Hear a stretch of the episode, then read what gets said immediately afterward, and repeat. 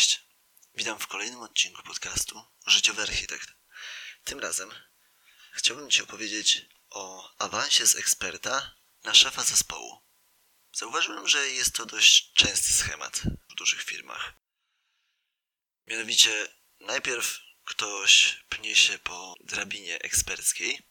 Junior, mid, senior, ktoś doświadczony, osoba o świetnej wiedzy technicznej.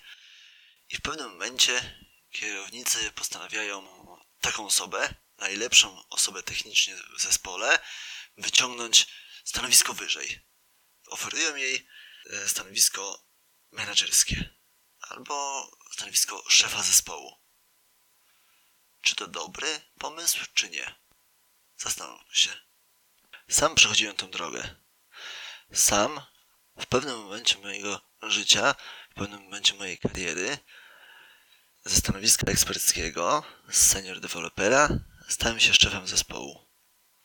Nie było to łatwe zadanie. W pewnym momencie, w momencie tego awansu, nagle z osoby, do której przychodzą ludzie, przychodzą członkowie zespołu, przychodzą członkowie innych zespołów z, z różnymi pytaniami, problemami. I ja jestem w stanie im pomóc.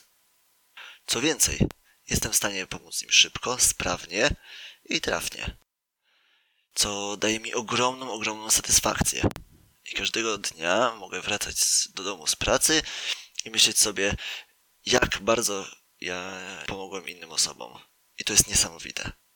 A i nagle, z takiego schematu, z dnia na dzień właściwie, nadal ludzie przychodzą do mnie z problemami, pytają o różne rzeczy, ale ja już na wiele z tych problemów nie jestem w stanie pomóc.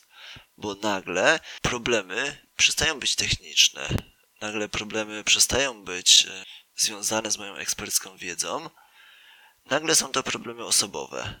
Komuś coś się nie podoba w zespole, ktoś chciałby przychodzić wcześniej, ktoś później, ktoś, komuś się nie podoba formuła tych spotkań i tak dalej, i tak dalej, i tak dalej. Nie jest to łatwe.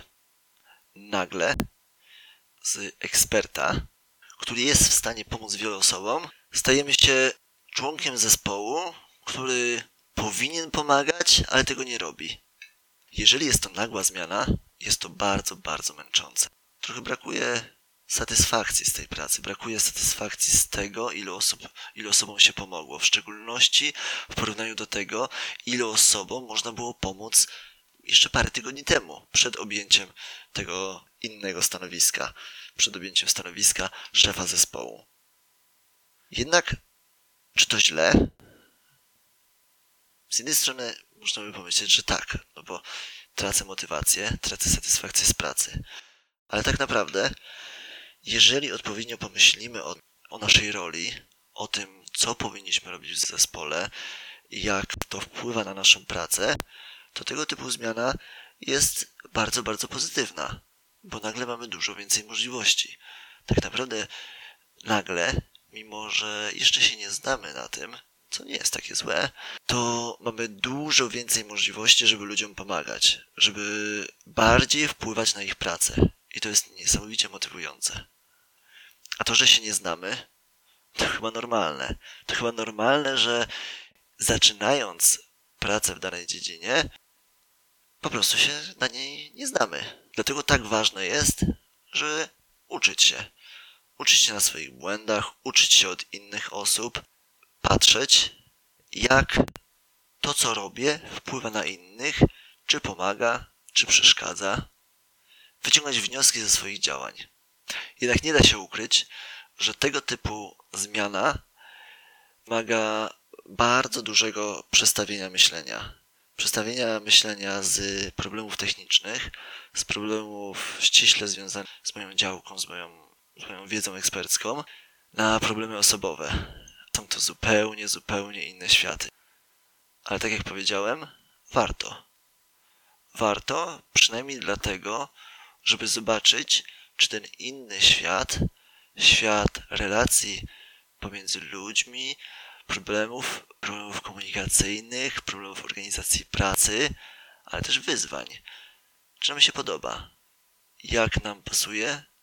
Bo nawet w tym świecie z naszą wiedzą techniczną, z naszą ekspercką wiedzą jesteśmy w stanie zrobić bardzo dużo dobrego. I do tego Was zachęcam. Jeżeli spotykacie na swojej drodze pewne wyzwanie, coś, co Was początkowo blokuje, postarajcie się spojrzeć inaczej na ten problem.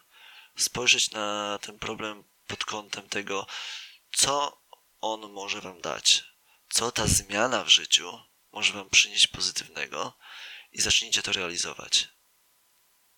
To tyle ode mnie. Dziękuję za uwagę.